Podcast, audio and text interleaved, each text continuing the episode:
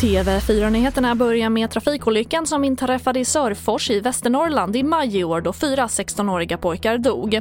Idag åtalas föraren, en 19-årig kvinna, för bland annat grovt vållande till annans död och grov vårdslöshet i trafiken.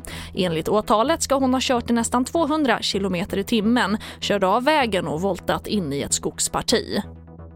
Och Sverige får 15% färre doser av coronavaccinet i januari än planerat. Tillverkarna har inte lyckats tillverka tillräckligt många doser av vaccinet och förhoppningen är nu att det går att ta igen längre fram i vår.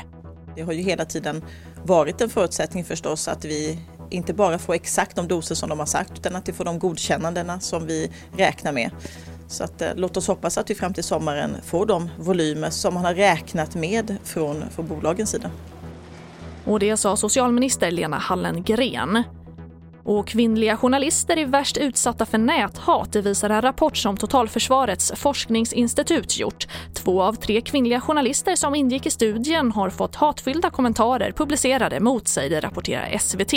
Och enligt forskare kan det här leda till att personer väljer att inte uttrycka sig för att slippa hat, vilket kan hota demokratin. TV4-nyheterna, jag heter Charlotte Hemgren.